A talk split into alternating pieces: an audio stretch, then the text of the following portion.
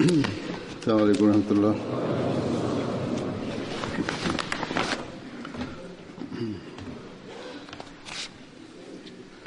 أشهد أن لا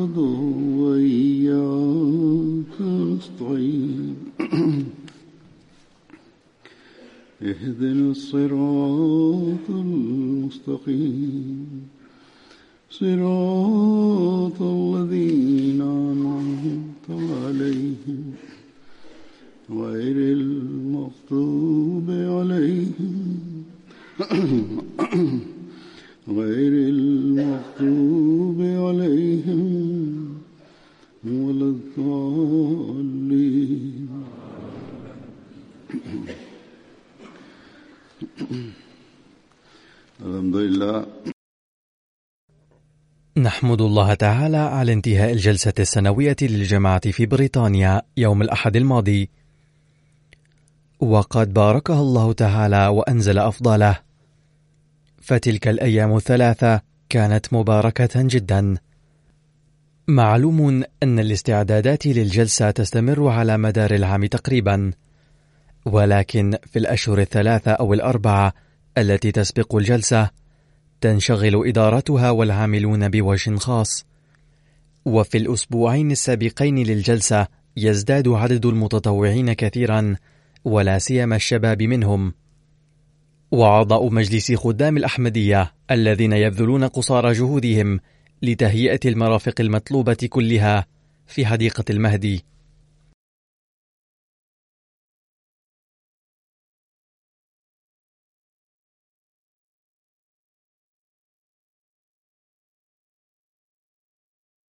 إن تحويل هذا المكان الذي يشبه الفلاة إلى مدينة عامرة مزودة بكل نوع من المرافق ليس بمهمة سهلة وهينة. وأضف إلى ذلك أن هذه الأعمال لا يقوم بها الخبراء والمهنيون.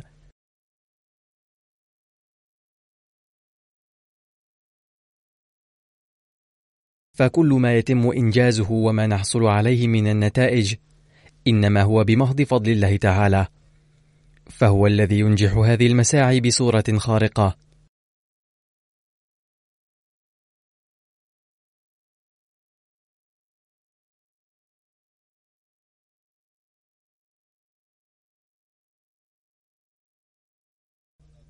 الضيوف القادمون يستغربون نظرا إلى حماس العاملين ويذكرون أيضا استغرابهم في تعليقاتهم.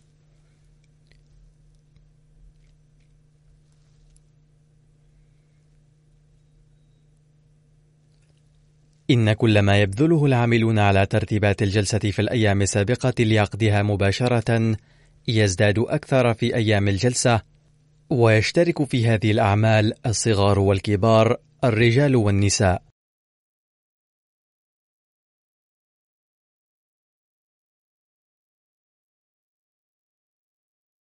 هذا الأمر يبدو غريبا للضيوف غير الأحمديين حين يرون الصغار والكبار عاكفين على مهام موكلة إليهم.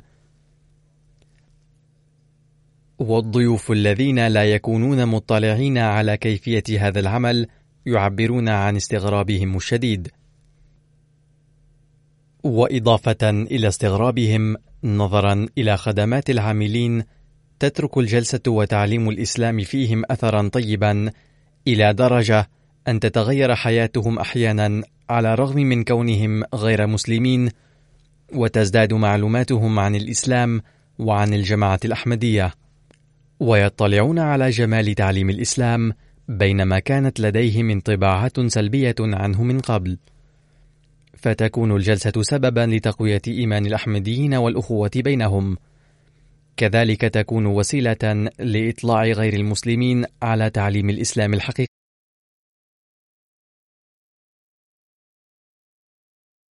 الخطاب الذي يلقى في اليوم الثاني من الجلسة تذكر فيه بإيجاز شديد أفضل الله تعالى النازل على الجماعة خلال العام المنصرم ونشكر الله تعالى عليها.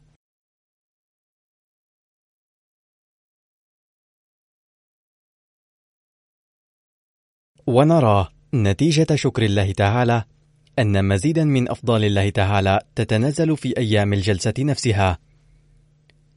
وهذا ما يذكره الضيوف غير الأحمديين في تعليقاتهم.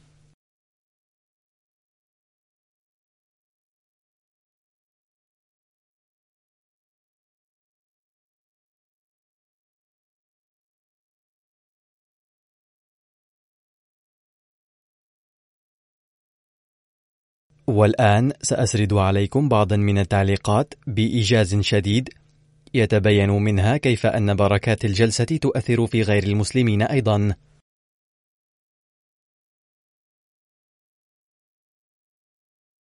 لقد حضر الجلسة من بنين ضيف اسمه ويلينتون هوي، وكان وزيرا إلى ثمانية أعوام، وهو عضو البرلمان حاليا. فقال في تعليقه ما مفاده: ما حصلت عليه من الجلسة السنوية ما كان لي الحصول عليه ولو ببذل مبلغ كبير. كان الجو المحيط بالجلسة الذي عشته روحانيا وهادئا. ولم أرى في حياتي اجتماعا منسقا مثله اشترك فيه قرابة أربعين ألف شخص من أقوام وملل مختلفة ومع ذلك كان الجو هادئا ولم يحدث خصام ولا نزاع بل كان الجميع عاكفين على خدمات موكلة إليهم. كان الجميع بمن فيهم الشباب والشيوخ والنساء والفتيات يعملون على إراحة الآخرين مظهرين حسن الأخلاق، وهذا شيء عظيم. ما أثار استغرابي بوجه خاص هو أنني لم أرى رجال الشرطة أو الجيش في هذا الحشد العظيم، بل كان المتطوعون الأحمديون يعملون في كل مكان. وكنت أفكر كيف يمكن العمل دون مقابل أو منفعة أو مصلحة شخصية في العصر الراهن؟ وتوصلت إلى نتيجة مفادها أن كل ذلك ممكن بفضل قيادة الجماعة نتيجة الخلافة التي قد ربت أفراد الجماعة من الأولاد والشيوخ والشباب والنساء بحيث يعلم الأحمديون الصغار إنجاز ترتيبات الجلسة منذ الطفولة وأستطيع القول أن الإسلام الذي تقدمه الجماعة الأحمدية وبالأسلوب الذي تربي فيه أفرادها سيدخل العالم بسرعة كبيرة في الأحمدية أي الإسلام. وستكون الأحمدية أكبر دين في العالم. يقول حضرة الخليفة ومن الجدير بالملاحظة هنا أن الأحمدية ليست دينا فإنما الإسلام سيكون أكبر دين في العالم. يتم إحياؤه بواسطة المسيح الموعود عليه السلام والأحمدية. يقول الضيف إن التعليم الذي تقدمه الجماعة الأحمدية إلى العالم قد رأيت صورته العملية الحقيقية بحضور هذه الجلسة. إنني أحمل معي من لندن إلى بلادي ذكريات رائعة ويتعذر علي بيان جمال هذه اللحظات فهي ذكريات عطرة. ثم من بنين نفسها حضر الجلسة ضيف يتقلد منصبا مرموقا في وزارة التخطيط والتطوير. وقال لقد حضرت عدة مؤتمرات في العالم ولم أرى أيا منها منظما وناجحا مثل جلستكم قط. فكان جميع العاملين في هذه الجلسة يدركون مسؤولياتهم ويؤدون واجبهم على خير ما يرام. فإطعام أربعين ألفا من الناس أمر محير ولكن الأمر العظيم الذي يصعب تصديقه أن جميع الذين كانوا يحضرون الطعام ويقدمونه للضيوف كانوا متطوعين، فإذا صدر العمل بهذه العاطفة في العالم كله، فأقول بكل ثقة أن القتال والجدال سيتلاشى من العالم ولا انتهت مشاكل البشرية. لا أجد بدا من الثناء على الجماعة الأحمدية، فجميع أفراد هذه الجماعة من الذكور والإناث والصغار والكبار مرتبون ومتحضرون.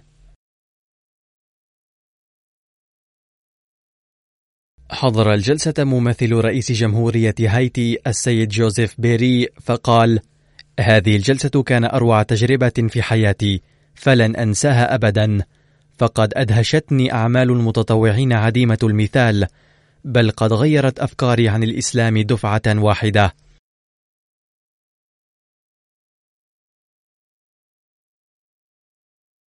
ثم كان من الضيوف القاضي في المحكمة العليا في ساحل العاج السيد تمريلي وهو مستشار لجنة تشريعية وطنية في البلاد أيضا.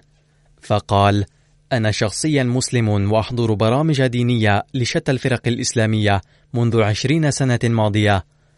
إلا أنني لم أتعلم عن الإسلام خلال هذه العشرين سنة ما تعلمته خلال هذه الأيام الثلاثة للجلسة. فالتقدم الروحاني الذي أحرزته خلال هذه الأيام الثلاثة لم أحظى به خلال عشرين سنة ماضية. إن العلماء غير الأحمديين لا يملكون شيئا. إذا كان أحد يريد أن يأخذ المعلومات الحقيقية عن الإسلام فليأتي إلى الجماعة الإسلامية الأحمدية. إن أسلوب إنجاز المتطوعين أعمالهم في الجلسة يعبر عن حبهم العظيم للخليفة. وبدافع هذا الحب يطيعون الخليفة طاعة كاملة ويتعايشون بمنتهى الحب وهذا الحب موحد ولهذا السبب يتمكنون من خدمة الإسلام بوجه صحيح. فلا تملك أي فرقة إسلامية أخرى مثل هذه الوحدة وهذا الإمام. سوف أحضر هذه الجلسة الروحانية في المستقبل أيضا بل سوف أحضر معي زوجتي أيضا.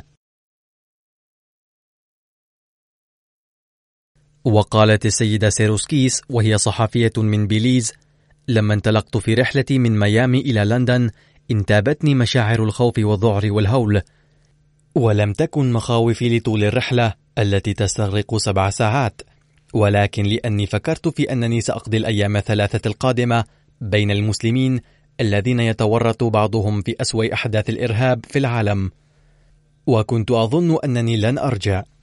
لقد اقلعت الطائرة وستعرض لهذا الإرهاب الآن. فبدأت أدعو لكي لا أكون فريسة لهجمة إرهابية. لكني لم أصبح فريسة لأي عملية إرهابية بل كان الواقع على العكس تماما. لقد أسكنوني هنا كالأميرات. إن انطباعاتي عن الجلسة هي أفضل انطباعات في حياتي كلها. لقد قابلت كثيرا من الناس في الدنيا. لكني لم ألقى أناسا مواسين كالأحمديين قط. وجدت جماعة سامية ورائعة. شاهدت هنا أسمى معايير التواضع والمحبة. كل يوم كان ساحرا. وإني لفخورة أن قد صار لي هنا أصدقاء كثر وسأرجع من هنا بذكريات جميلة. هذه تجربة لن أنساها.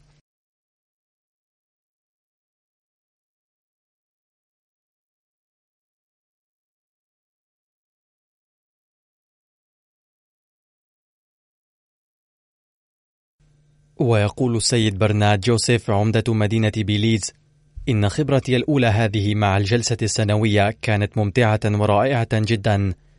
لقد أعجبت جدا بما رأيت لدى الأحمديين في هذه الأيام الثلاثة من أخوة وحب متبادل وخدمة للإنسانية. لقد جئت من بلد يعاني مشاكل اجتماعية كثيرة وأرى بصفتي عمدة بلدة بيليز أننا ربما بحاجة إلى استرشاد الجماعة الأحمدية المحلية عندنا من أجل القضاء على هذه المشاكل الاجتماعية كلها. وأضاف: إني سأعود من هنا بذكريات رائعة وعلاقات وصداقات أنشأتها هنا في هذه الأيام الثلاثة. كل الترتيبات من سكن وطعام وسفر وغيرها كانت على مستوى عالي. سائق السيارات والمتطوعون الواقفون لاستقبالنا على المطار والصغار الذين كانوا يقومون بخدمة تقديم الماء للناس خلال الجلسة والمتطوعون العاملون في موقف السيارات وكذلك الذين عملوا في طهي الطعام والإدارة التي كانت تقوم بالخدمة وراء الكواليس كل هؤلاء قد جعلوا هذه الجلسة تذكارا جميلا.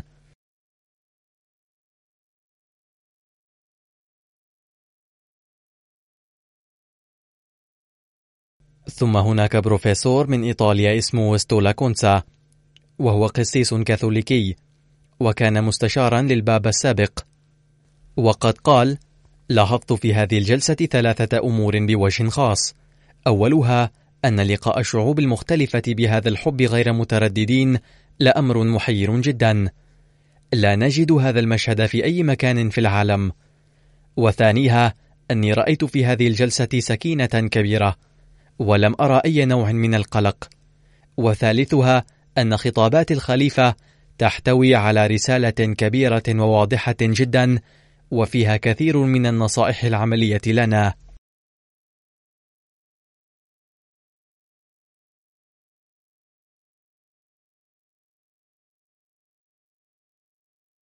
وهناك سيدة فلبينية اسمها إيلينا لوغس وهي تعمل في عرب نيوز.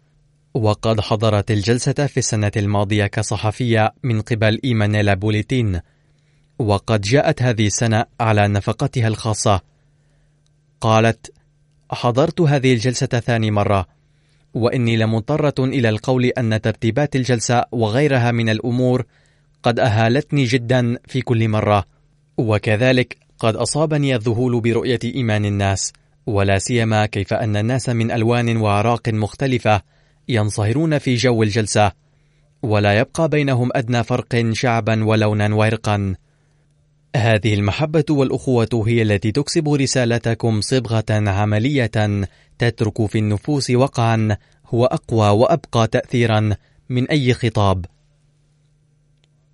وإني لعلى يقين أن حضور الجلسة سيرجعون إلى بلادهم بهذا الجو من الحب والأخوة وهكذا ستنتفع جميع البلاد من هذا الجو. وتتابع قائلة أرى أنه يجب على عدد كبير من الناس أن يقضوا بضعة أيام في جو هذه الجلسة مع الجماعة الأحمدية لكي يعلم أكبر عدد من الناس ما هي المحبة والأخوة وكم هو جميل وجه الإسلام.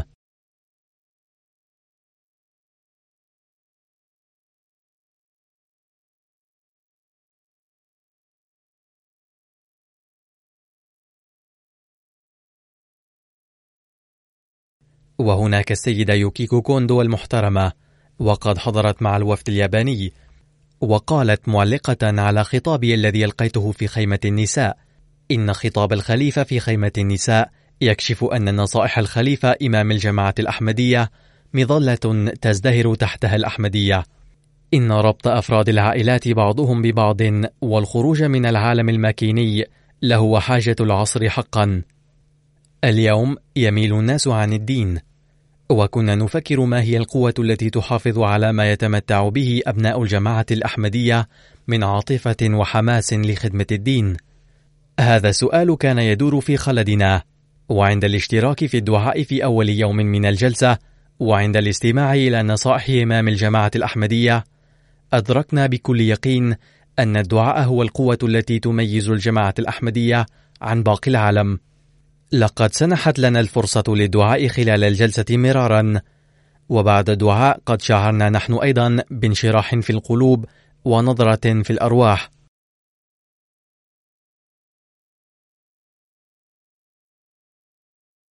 ثم تتابع ظل الطقس حارا خلال أيام الجلسة. لكننا لم نرى الناس قد سئموا من شدة الطقس ولم تفارق الابتسامة وجوه المتطوعين. عندما علمت أن القائمين بهذه الخدمات بدءا من الأطفال الذين كانوا يقومون بالسقاية إلى القائمين بتنظيف المراحيض معظمهم يقومون بهذه الخدمات طواعية صرت أغبطهم وأدعو الله تعالى أن يرضى عن هؤلاء جميعا حيث يضحون براحتهم من أجل سكينة الآخرين.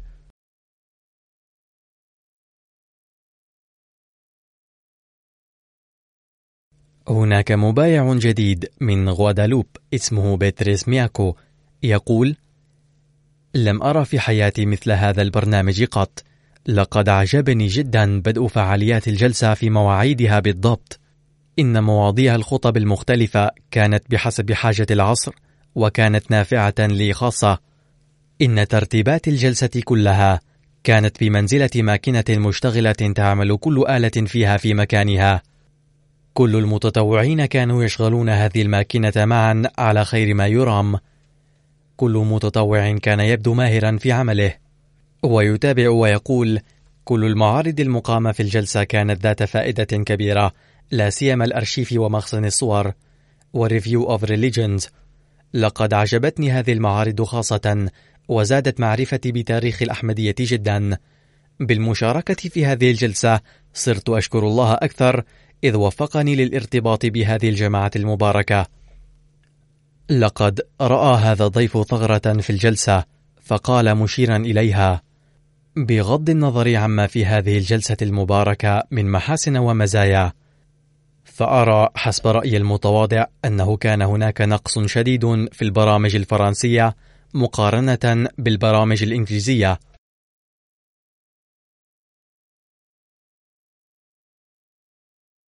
على الإخوة الناطقين بالفرنسية والمسؤولين عن إعداد البرامج الفرنسية تسجيل هذه الملاحظة، فإما أن تكون هناك برامج بالفرنسية أو أن يقدموا بطريقة ما الترجمة الفرنسية للبرامج الأخرى التي تقدم هناك. وإنه لمن فضل الله علينا أننا نذكر بنقاط ضعفنا أيضا أولا بأول.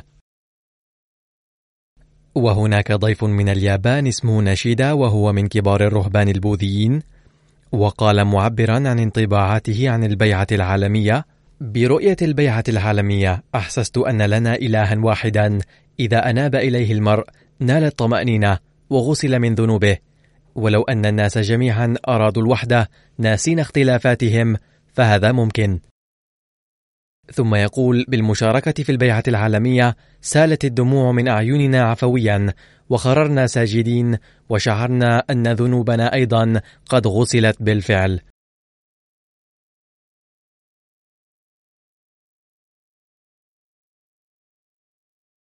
ثم هناك عالم من إندونيسيا هو البروفيسور موميل وقال إن عقد الجلسة السنوية برنامج مدهش جدا. لقد حضر الجلسة أناس من مختلف البلاد وقد بدا وكأن العالم كله قد جمع وجعل أمة واحدة. لا نجد في أي تنظيم في العالم نظيرا للإخلاص والتفاني الذي قدم به المتطوعون بالخدمات هنا. وهذا دليل عظيم على أن الجماعة الأحمدية جماعة تخدم في كل مجال. لقد قابلنا كل نوع من الناس خلال الجلسة وكان بينهم شخصيات كبيرة. ورأينا في كل مكان مشهد أخوة الإسلام والسلام والأمان. أما الضيافة فتفوق الوصف. كان المتطوعون يكرمون الضيوف جدا وكان يلقونهم بمنتهى البشاشة.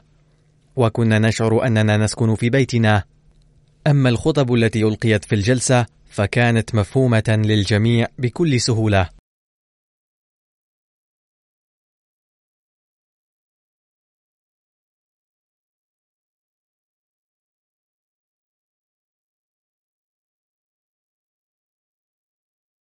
وقال أقترح عقد مثل هذه الجلسة العظيمة في إندونيسيا ويجب أن يحضرها الخليفة أيضا وسيكون هذا مدعاة فخر كبير لنا. وأقول إذا كانوا يريدون عقد هذه الجلسة في بلدهم فعليهم إقناع أهل بلدهم فإنهم يزدادون عداء للأحمديين حاليا.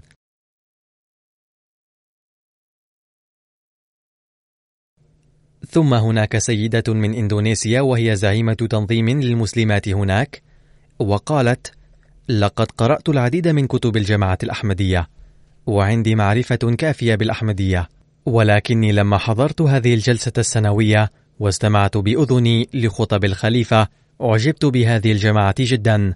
لا جرم أن أفراد الجماعة الأحمدية عالمون عاملون.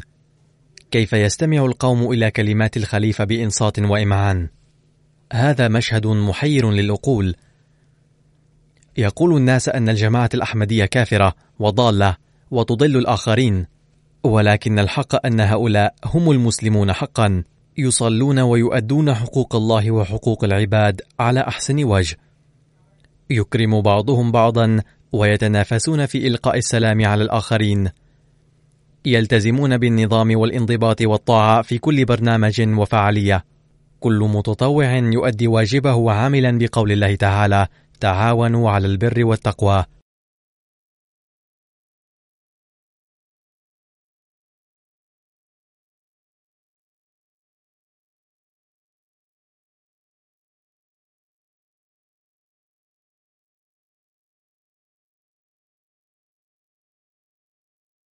لقد أعجبني هذا المشهد أيما إعجاب؟ ويبدو أن كل هذا هو نتيجة بركات إمام الزمان وبركات الخلافة.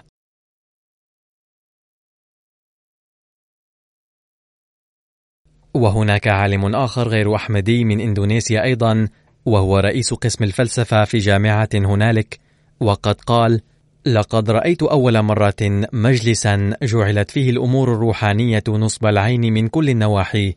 أعتبر هذه الجلسة جلسة ذهبية. لأن الناس قد اجتمعوا فيها من كل العالم حول الخلافة كالفراشات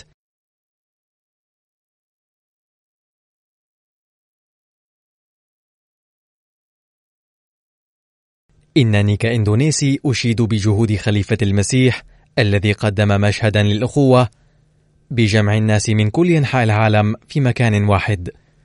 أقول: الحق أن الخلافة تواصل هذه المهمة التي بعث المسيح الموعود عليه السلام من أجلها. وندعو الله تعالى أن يوفق هؤلاء الضيوف للإيمان بإمام الزمان ومهدي هذا العصر عليه السلام.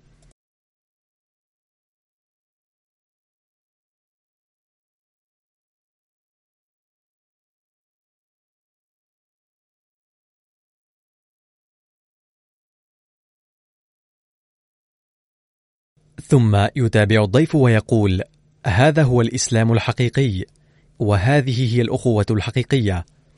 إن الجماعة الأحمدية هي التنظيم العالمي الوحيد الذي لا يوجد له نظير في أي مكان. إن شعار الجماعة الأحمدية رائع جدا ويدخل في كل قلب كالمسمار. كل خطاب للخليفة كان بيانا لتعليم الإسلام على ضوء القرآن الكريم والأحاديث والسنة النبوية على أحسن وجه. مع أن الجلسة ثلاثة أيام ولكن هذه الأيام الثلاثة كانت مفعمة بالبركات جدا. وإننا نشكركم على هذا جزيل الشكر.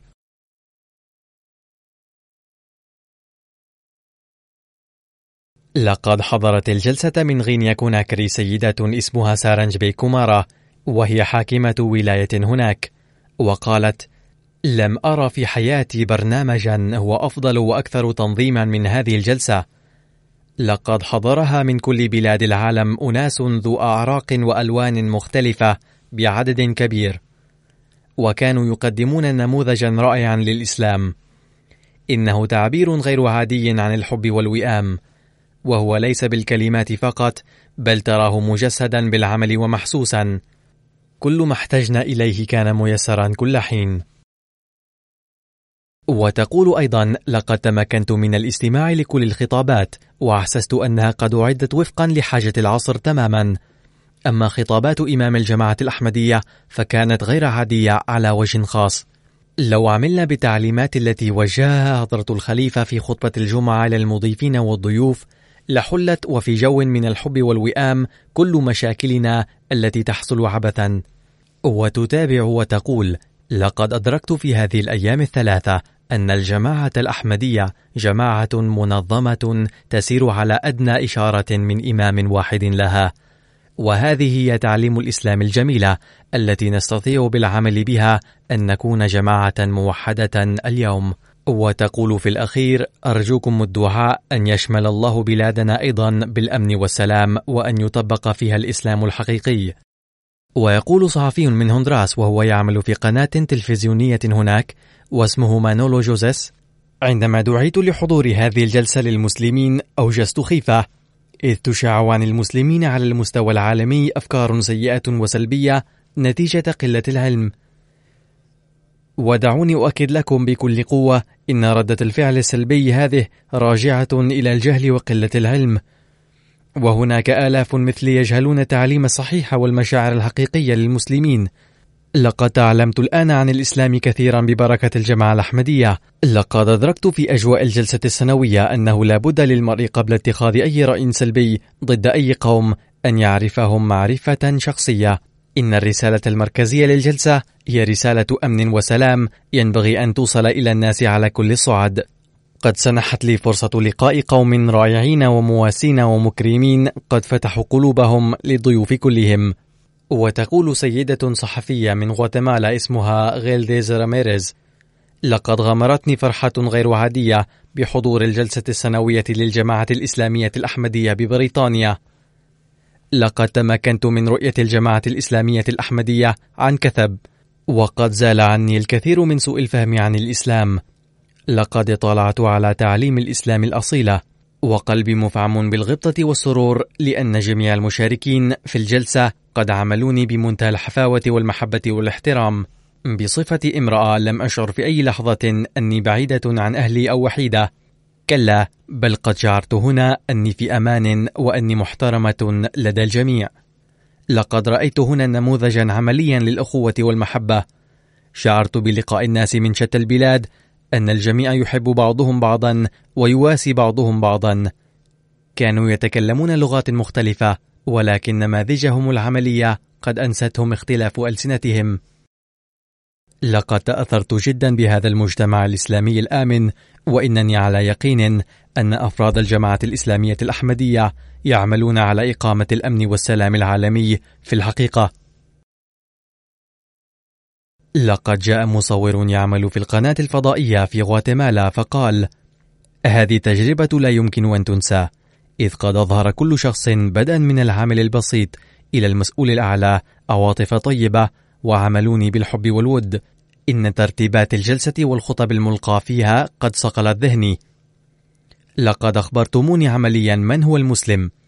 تعرفت على الجماعة في عام 2015 وشعرت بمجيئي إلى هنا كأنني مقيم في بيتي من واجب كل واحد كإنسان أن يحامل الآخرين بالإعزاز والاحترام ويساعد المحتاجين وقد تعلمت من هذه الجلسة درسا مفاده أن لو عملنا بالحب والتعاون المتبادل والأخوة لاستطعنا إنجاز أعمال عظيمة. كما حضرت الجلسة السيدة إليزابيث براير من مكسيك وهي مبايعة جديدة وقالت: لقد مضى على انضمامي إلى الجماعة عام واحد فقط وما زلت أتعلم عن الإسلام.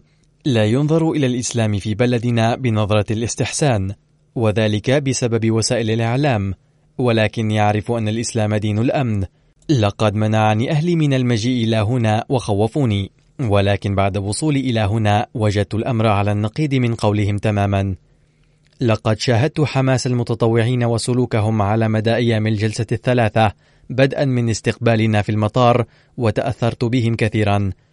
ولم يعد في قلبي أدنى شك في الأخوة الأحمدية والنظام العائلي المتين. الأفكار التي أخذها معي وأنا عائدة إلى بلدي سأعمل بها في المكسيك وسأبلغ الناس دعوة الجماعة الأحمدية.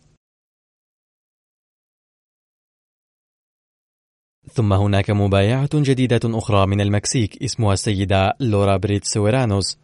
تقول في بعض الأحيان ما كان العاملون المتطوعون يفهمون كلامي ولكني تعلمت هنا أن اختلاف اللغة لا يمكن أن يحول دون العلاقات بين الأحمديين. إن حب الله تعالى قد جمع بيننا وشعرت كأنني مقيمة مع أهلي وقد فحصت نفسي بعد الاستماع لخطابات الخليفة ليعثر على النقاط ضعف فيه. وأيقنت أنني في المكان الصحيح تماما وقد هداني ربي إلى طريق الهداية. وأتمنى من أعماق قلبي أن يعرف أهلي أيضا الإسلام ويزدادوا إيمانا.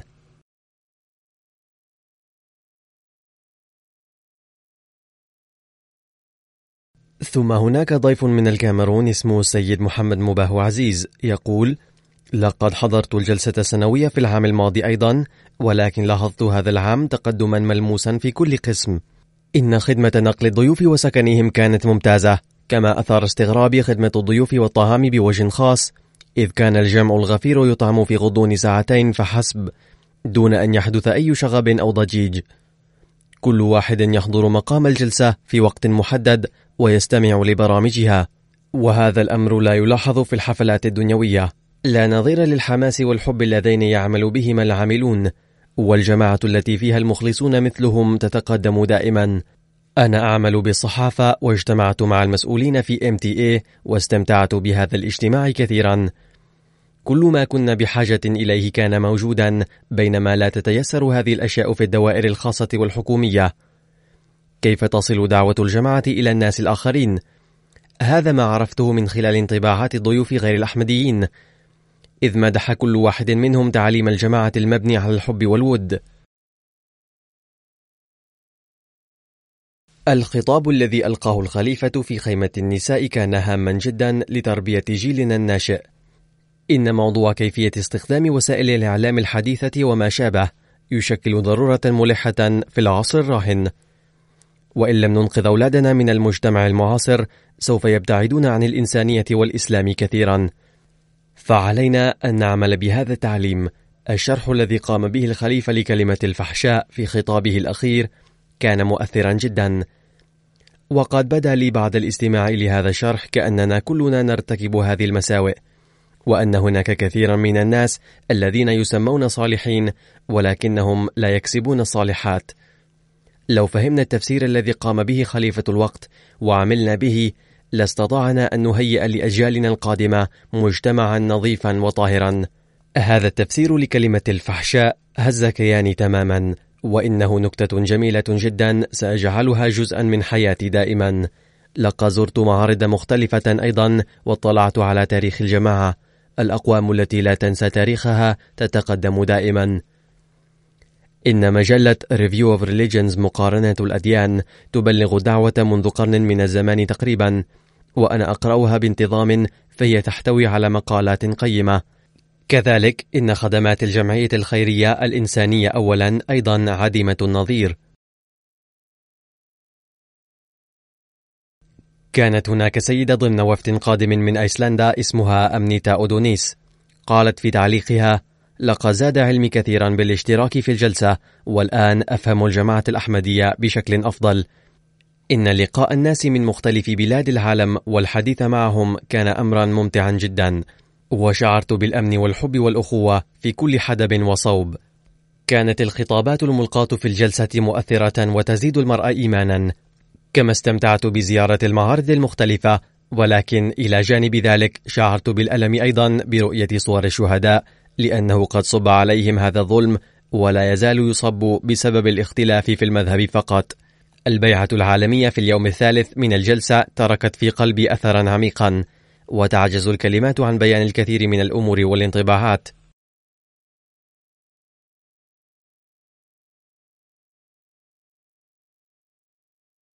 حضر الجلسة صحفي من مقدونيا اسمه توني أجتوسكي وقال في تعليقه لقد تأثرت في الجلسة من خطابات الخليفة أكثر من أي شيء آخر خاصة خطابه الذي نصح فيه بالانتباه إلى تربية الأولاد ومراقبتهم. ثم ذكر استخدام الهواتف المحمولة بوجه خاص وبين كيف تضر هذه الأشياء بوحدة العائلة. هذه كانت رسالة عالمية لأن كل عائلة في العالم تواجه هذه المشاكل. فإن لم تقدر عائلة على العيش مجتمعة كعائلة ولم تكن بين أفرادها علاقة متينة تتشتت تلك العائلة. وبتشتت العائلة يتمزق المجتمع ووحدته ولا يمكن ضمان مستقبل حسن.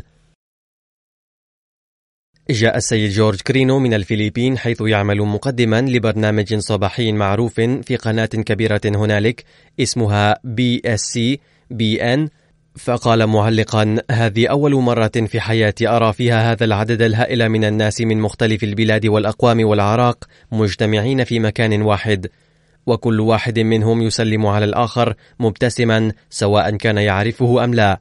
وفوق كل ذلك إن الهدف الوحيد الذي يجمعهم هنا هو نشر الحب والقيم الإنسانية. لقد سنحت لي الفرصة كصحفي للاشتراك في آلاف الاجتماعات ولكن السكينة والتسامح والنظام والنسق الذي تمت به وقائع الجلسة السنوية في بريطانيا لم أرى مثله من قبل. الحفاوة التي أبداها المتطوعون في خدمتنا والاهتمام الذي به سد حاجاتنا ترك في نفسي أثرا عميقا سواء كان الأمر متعلقا بضبط حركة المرور أو سقاية الأطفال الناس بسبب الحر الشديد فرأيت كل شخص يؤدي واجباته على أحسن وجه إنني مسرور جدا باشتراكي في هذه الجلسة لأنها فتحت ذهني أكثر مما سبق وزودتني بأفكار ونظريات جديدة. فمن هذا المنطلق كانت هذه الجلسة بمنزلة حدث مشهود لي وبسببها سنحت لي الفرصة لمشاهدة مجتمع وحضارة جديدة تختلف عن مجتمع الفلبين وحضارتها.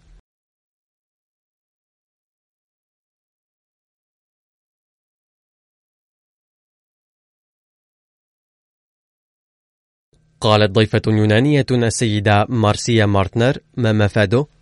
تعجز الكلمات كليا عن بيان هذه التجربة التي يحظى بها المرء حين يكون جزءا من 38 ألف شخص يدعون لقيام الأمن والسلام إن عواطف الحب والرحمة التي تلقيتها من كل شخص في الجلسة كانت مؤثرة جدا وقد رفعت مستوى آمالي أكثر من ذي قبل أنه كيف يمكن للبشرية أن تدخل في العصر الجديد متمسكة بمبدأ التسامح وقبول الآخر.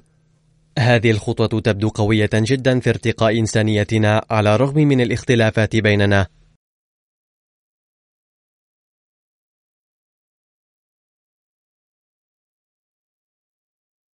كذلك حضر الجلسة وفد من سكان كندا الأصليين الذين يسمون القوم الأول وكانوا لابسين تيجانا تقليدية ضخمة تعبر عن قبائلهم. وقد ضم الوفد زعماء ثلاث قبائل وقائد شبابهم. وقالوا إن الخدمات التطوعية بمناسبة الجلسة قد أثرت فينا كثيرا. وبعد عودتنا إلى بلادنا سنضع خطة مدروسة بالتعاون المتبادل مع الشباب الأحمديين. لم نرى في أي قوم نظاما وتنسيقا مثل ما رأيناه في الشباب الأحمديين. ولا نظير للمهارة والبراعة التي يعملون بها.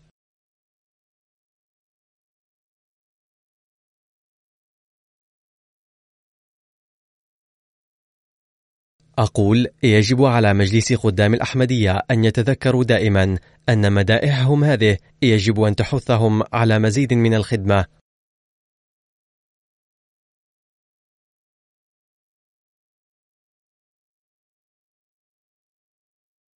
قال أحد هؤلاء الزعماء الذي اسمه روغريغمان ما مفاده إنه يدخن كثيرا وإن عادة استخدام التبغ راسخة جدا في قبيلتهم. بل هي ركن من أركان دين القوم الأول المذكور آنفا حيث يعتقدون أن استخدام التبغ عنصر هام للتقدم في الروحانية. ولكن حين قال الخليفة بمناسبة الجلسة أن على أفراد الجماعة أن يجتنبوا التدخين قطع هو أيضا عهدا على نفسه باجتناب التدخين في أيام الجلسة وقد وفى بعهده. أقول في هذا المثال درس للأحمديين. وقال لي شخص أن التدخين ممنوع في رحلات جوية طويلة تصل إلى عشر ساعات أو اثنتي عشرة ساعة فلا يستطيع أحد أن يدخن في الطائرة طوال هذه المدة فيلتزمون بعدم التدخين. فلو أقلعوا عن التدخين في أيام الجلسة لنالوا ثوابا.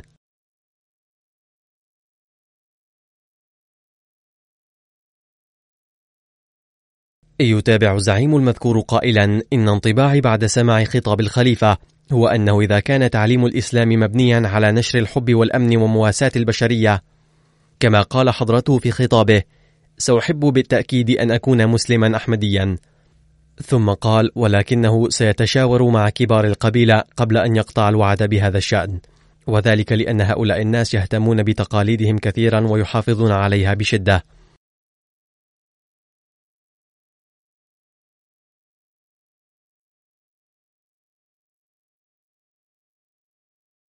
وقال السيد راوجايل زعيم آخر للقوم الأول المذكور الحب والاحترام اللذان تلقيناهما في أيام الجلسة يشبهان تعليمنا القديم الذي يعود تاريخه إلى عدة قرون. فكما كنا نعيش معا بالحب والأخوة فقد سدت حاجاتنا على النحو نفسه. ثم قال لأهل أمريكا رأي عن المسلمين ولأهل كندا أيضا رأي. ومن المؤسف أن بعضا منا لا يملكون فكرة إيجابية عن المسلمين.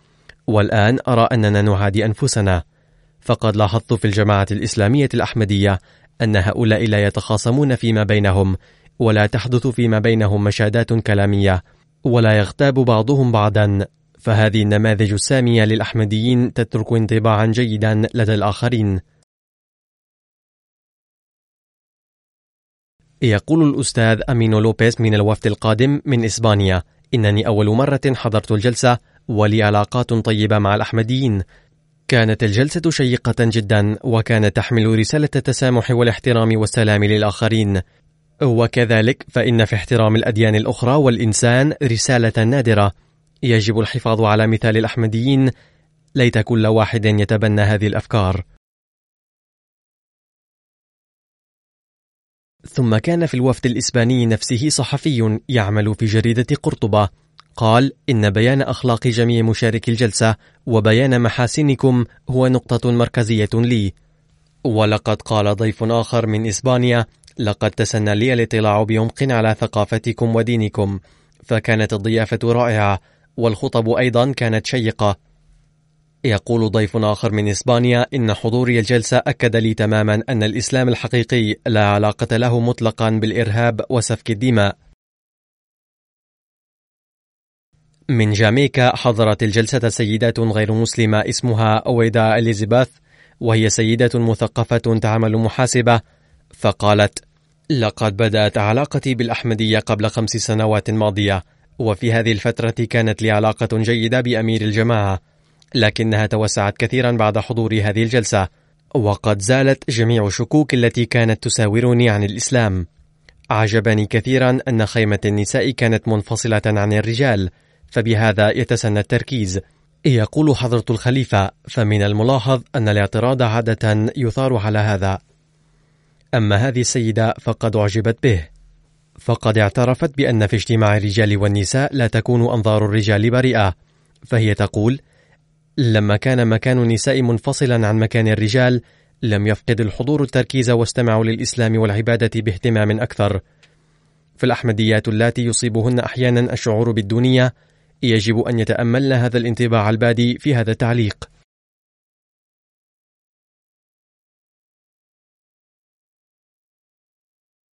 يقول البروفيسور فايلازي المحترم من إيطاليا وهو مدير مركز تعليمي إن حالة الإيمان التي طرأت على الأحمديين خلال البيعة قد شعر بها الآخرون أيضا.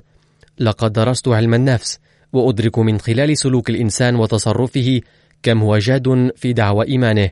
وأيقنت بعد مشاهدة الأحمديين أن مستوى إيمانكم رفيع جدا. يقول حضرة الخليفة فلما عرف أن أكثر من 600 ألف إنسان بايعوا خلال سنة منصرمة قال أشكر الله على أنهم انضموا إلى الجماعة. من إيطاليا حضرت الجلسة سيدة مستشرقة اسمها روسيلا فابياني المحترمة وهي صحفية في إحدى المجلات في الفاتيكان وقالت بعد حضور الجلسة اطلعت على أعمال الجماعة وإنجازاتها إلى حد ما. يجب أن نخبر العالم عن هذه الجماعة الإسلامية المنتظمة والمسالمة. فالجماعة الإسلامية الأحمدية تبذل جهودا حثيثة لحل مشاكل المسلمين بالتحاور معهم. إن مشاريعكم وخدماتكم يجب أن يطلع عليها العالم كله. يقول الأستاذ سرغاي شيراسكي المحترم وهو نائب مستشار جامعة بيلاروسيا بصفتي متخصصا في الأديان وإن كانت معلوماتي عن الإسلام بدائية جدا إن حضوري الجلسة تجربة رائعة وقيمة وغير قابلة للنسيان. في الحقيقة التي طلعت عليها بحضور هذه الجلسة هي أن الإسلام دين عالمي. أما أجواء الجلسة السنوية فتهد جميع جدران الشكوك والشبهات إنها المرة الأولى التي يحضر فيها برنامجا بهذا المستوى حيث طلعت أول مرة على محيط المسلمين عن قرب واهتمام. ففي هذه الجلسة وجدت أمورا ممتعة جدا.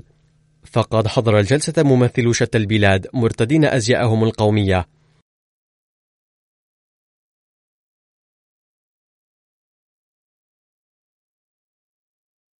إن ترتيبات الجلسة أيضا تدع الإنسان في حيرة.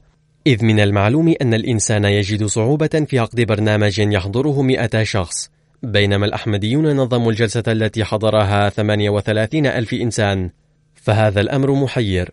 أود أن أشكر من صميم فؤادي جميع العاملين المتطوعين الذين ساهموا في تنظيم الجلسة على خير ما يرام.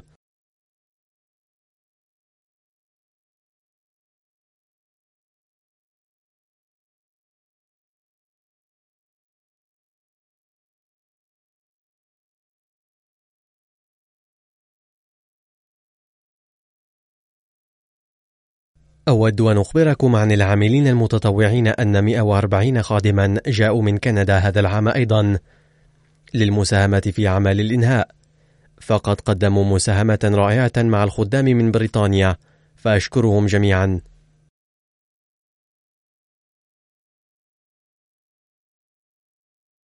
هذا العام وفق قسم التبليغ لجامعة بريطانيا لعقد ندوة ومجالس الأسئلة والأجوبة إضافة إلى إقامة خمسة معارض.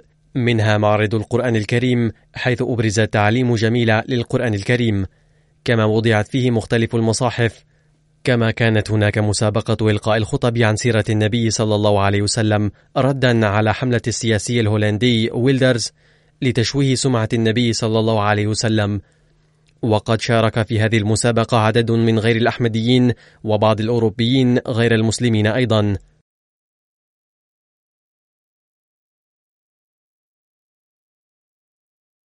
لقد قالت سيدة مسيحية اسمها كاثرين ميري يوهان بصفة سيدة كنت أرغب في الاطلاع على رأي محمد صلى الله عليه وسلم عن النساء فقد بعث يوم كانت أوروبا تسودها الفوضى فأعلن أنه سيكرم النساء وكذلك حين سأل أحد محمدا صلى الله عليه وسلم عن الأجدر بالاحترام الأكبر في حياته فقال أمك. فقال ثم من؟ فقال صلى الله عليه وسلم أمك. وعند سؤاله مرة ثالثة أيضا قال أمك. فهذا الأمر ترك في تأثيرا كبيرا.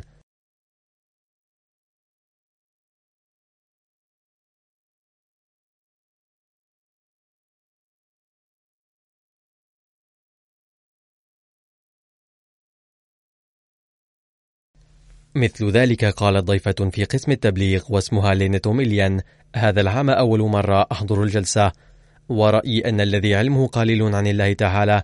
إذا شارك في الجلسة فسوف يعود منها متبحرا في هذا العلم.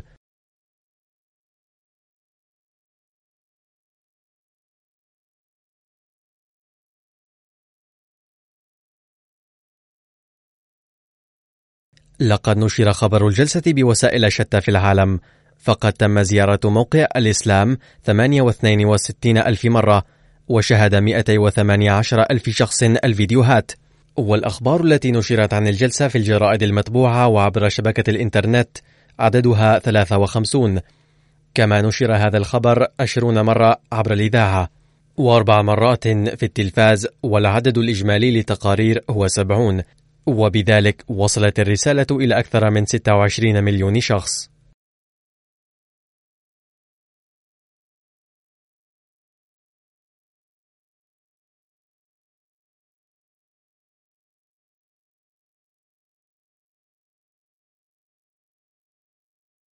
ومن الإذاعات والقنوات المشهورة التي غطت الجلسة أذكر.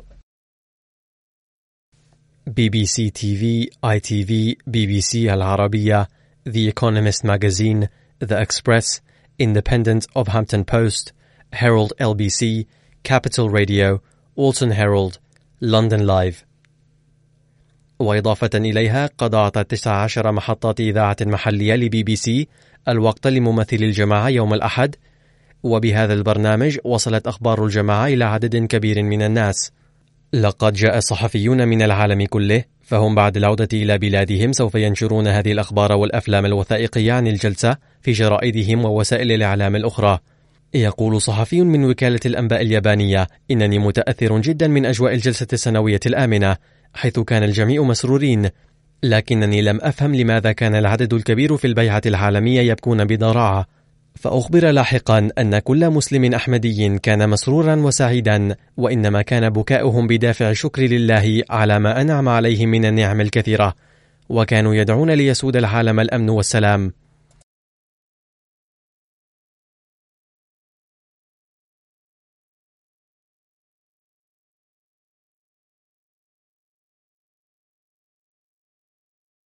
تقول صحفية عن خيمة النساء إنني حضرت الجلسة في السنة الماضية أيضا ولم يتسنى لي الدخول إلى خيمة النساء وهذا العام دخلتها.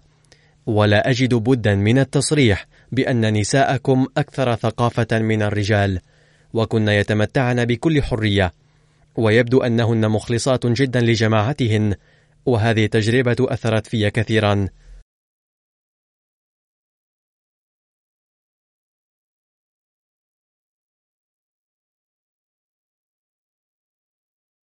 أما عن تغطية فعاليات الجلسة في أفريقيا هذا العام فقد بثت 15 قناة فعاليات الجلسة.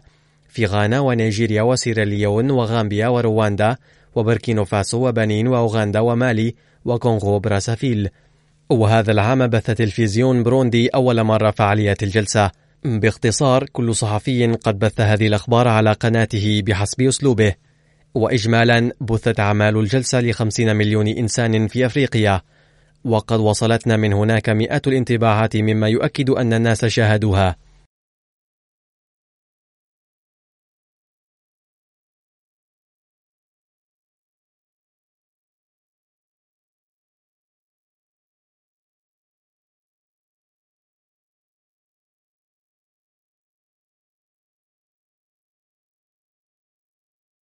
باختصار هذه التفاصيل لانطباعات الحضور وما نشر في الصحافة والإعلام طويلة. وكذلك هناك أقسام أخرى للجلسة تركت انطباعا رائعا ومنها معرض الصور وال Review of Religions والأرشيف وجريدة الحكم وغيرها. وقد اطلع زوار هذه المعارض على تاريخ الجماعة. وجميع من عملوا في الجلسة وفي هذه المعارض كانوا متطوعين.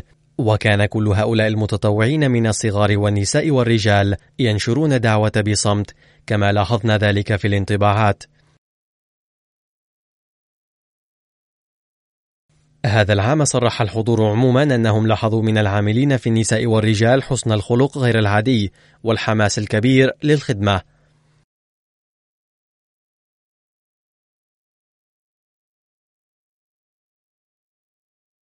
ومن هذا المنطلق يجب أن يشكر الحضور كلهم لهؤلاء العاملين بعد الله تعالى ويجب أن يدعو لهم أن يوفقهم الله في المستقبل للخدمة أكثر.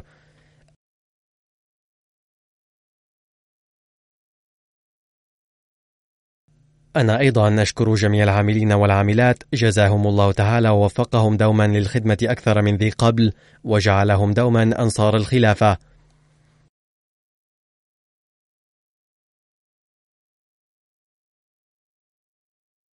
يجب على جميع العاملين والعاملات أيضا أن يشكروا الله تعالى أكثر على أنه وفقهم للخدمة ولو لم ينزل فضل الله تعالى عليهم لما وسعهم أداؤها.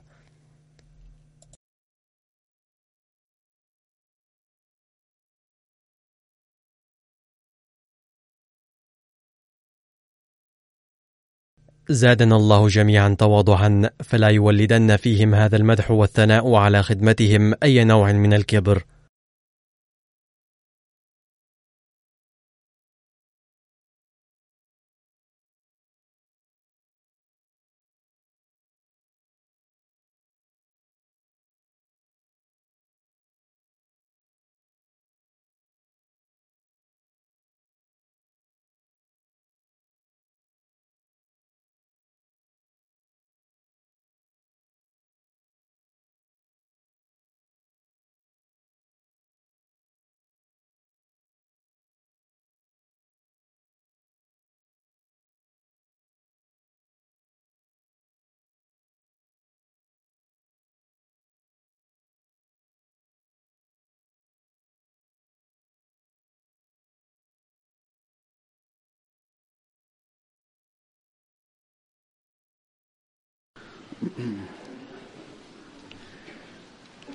الحمد لله الحمد لله نحمده ونستعينه ونستغفره ونؤمن به ونتوكل عليه ونعوذ بالله من شرور أنفسنا ومن سيئات أعمالنا من يهده الله فلا مضل له ومن يضلل فلا هادي له.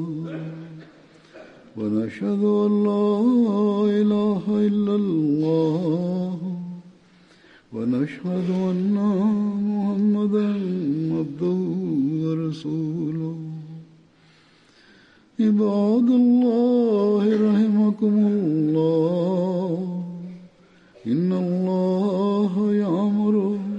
بالعدل واللسان وإيتاء ذي القربى وينهى عن الفحشاء